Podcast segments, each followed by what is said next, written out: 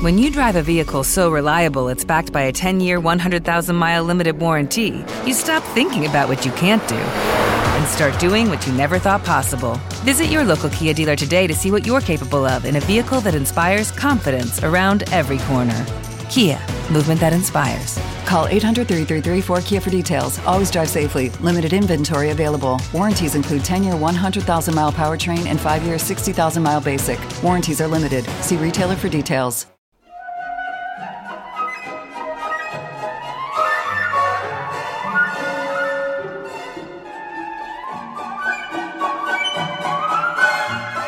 noso home pasareiro cos pasaros na cabeza é o amigo Nacho Munilla.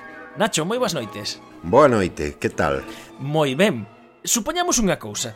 Supoñamos que, que te secuestran. E que uh -huh. te levan a un sitio de Galicia ou da Península Ibérica cos ollos tapados e, e só podes escoitar e te deixan no medio do campo. Ti poderías saber máis ou menos onde estás escoitando o que te din os paxaros?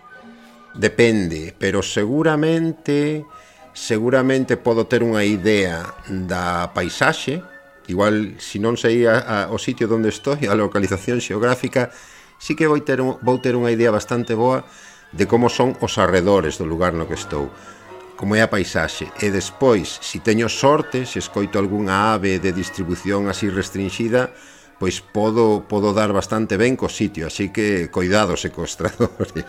Este era un caso práctico de que pasa coas paisaxes sonoras. Eh, coas paisaxes sonoras aí os pasaros xogan un papel eh, fundamental.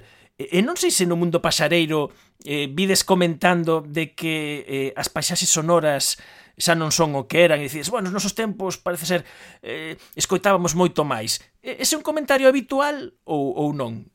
Igual non tanto no que é a paisaxe en, en conxunto, sabes? Que igual esa percepción é máis, é máis, o sea, non é tan inmediata, pero o de botar en falta algún instrumento, por decir así, ¿no? algún componente desa paisaxe sonora, eso constantemente, constantemente, o sea, de, por exemplo, a, a la verca, non? Decir, oh, sa, sair ao monte, escoitar a la verca, pois pois xa non é tan tan doado, non? Digo a la verca porque é un é un paxaro que alegra moito o día, non?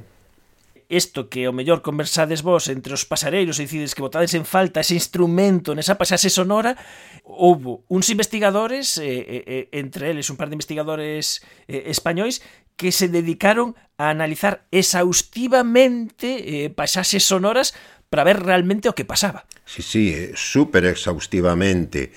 Eh, eles o que fixeron foi eh, reconstruir as paisaxes, as paisaxes sonoras a partir do de penso que son como 200.000 censos de aves realizados en Norteamérica e máis en, en Europa ao longo dos últimos 25 anos. Aí hai pasaros, aí, aí hai sinfonías para dar e tomar.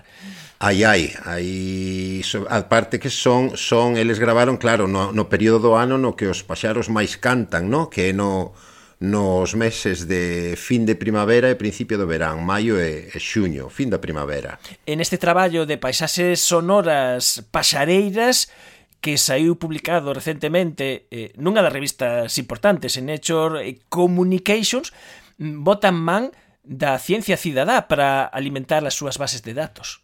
Pois sí, porque estes censos, estes censos son realizados por, bueno, por profesionais tamén, pero sobre todo por xente xente amante da, das aves e que teñen, bueno, certos coñecementos, coñecen os cantos e son capaces de, de aplicar as técnicas de censo, E despois tamén o que utilizan, porque eles o que fan é reconstruir a partir dos datos de censo, reconstruir as paisaxes sonoras, utilizan tamén o, as, os cantos das aves, os collen da, dunha gran base de, de datos de ciencia cidadá que se chama Xenocanto, non? E que, bueno, ali hai un montón, un montón de, de grabacións de cantos de aves. Uh -huh. Seno canto que temos falado aquí en Efervesciencia e que temos utilizado nos para ilustrar moitas veces cando nos falas de algún pasaro en concreto, rapidamente ir a Seno Canto, buscar, eh, podes buscar diferentes calidades de grabación, desde moi boas a outras,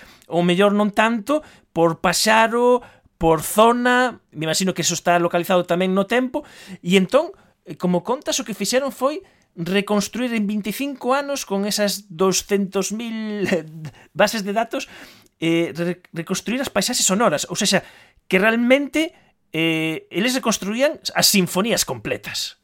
Sí, eles, eh, bueno, pois eh, aí en, explican o, o protocolo que siguen, pero que fan é, por decir, eh, traducir eses datos de censos, eses números de esa lista de especies con número de individuos de cada especie, traducir eso a como sonaría, como, como sería a esa orquesta, no ese conxunto de paxaros cantando, non? tal e como os paxaros adoitan cantar. Non?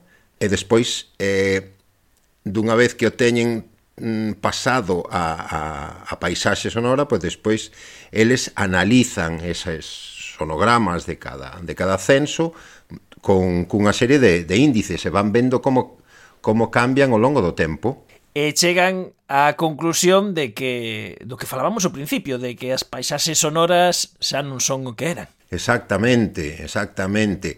O sea, a tendencia de que, de que cada vez hai menor cantidade de paxaros e menor uh, diversidade de especies de aves, bueno, eso é unha tendencia coñecida. Entón, eles ven, e isto como, como, como é que se traduce no, nas paisaxes, no que escoitamos, non? cando, cando estamos na natureza. Pois eles o que ven é que isto tradúcese nunha diminución da diversidade acústica, o que escoitamos cada vez é menos diverso, E despois tamén na intensidade, o sea, cada vez o, o sinal que nos ven da, da natureza, neste caso dos seus representantes emplumados, pois cada vez é menos intensa, porque hai menos músicos, por decir así, non? E, e para eles, o final deste estudo que é moi minucioso, con moita estatística, porque senón, obviamente, non podes publicar nunha revista destas, que te xixe que, que o traballes moito e moi detalloso moito, moito. O, o final, que conclusión sacan? Penso que está moi ben porque eles o, o que din é que hai como un empobrecemento da nosa experiencia acústica, non? O haber menos aves cantando, temos unha experiencia máis máis pobre da natureza e menos intensa.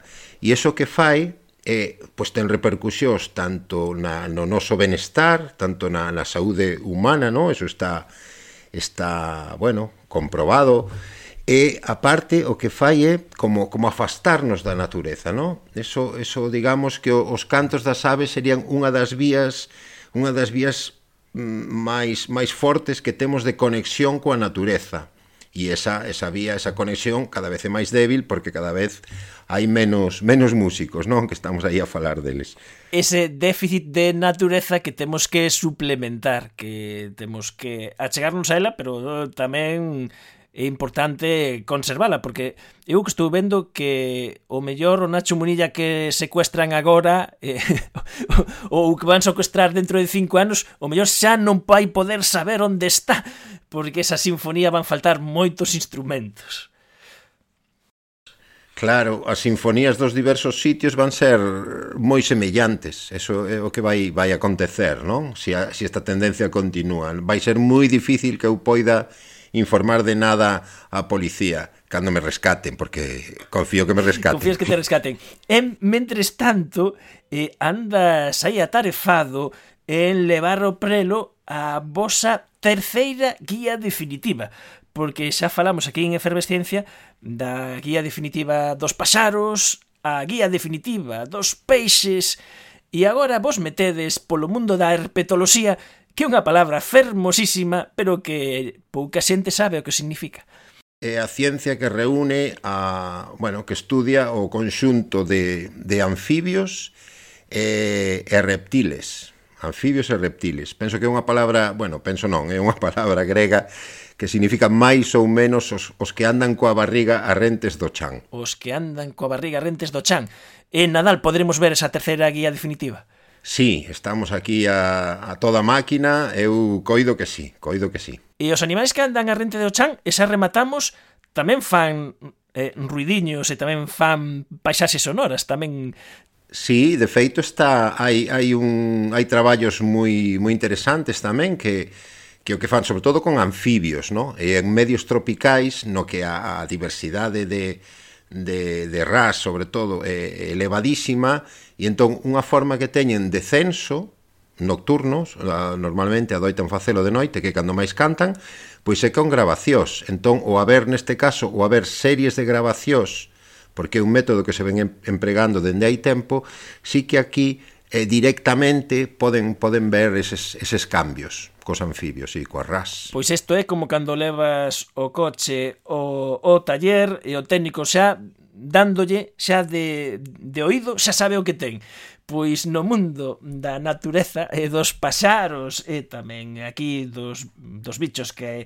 se arrastran polo chan tamén sirve para coñecer eh, Nacho Munilla, moitas grazas por traernos estas paisaxes sonoras que o mellor tenemos que estar máis atentos para poder valoralas ben. Moi ben, pois moitas gracias a ti tamén. Vémonos. What if you could have a career where the opportunities are as vast as our nation, where it's not about mission statements, but a shared mission? At U.S. Customs and Border Protection, we go beyond to protect more than borders, from ship to shore, air to ground – cities to local communities, CBP agents and officers are keeping people safe.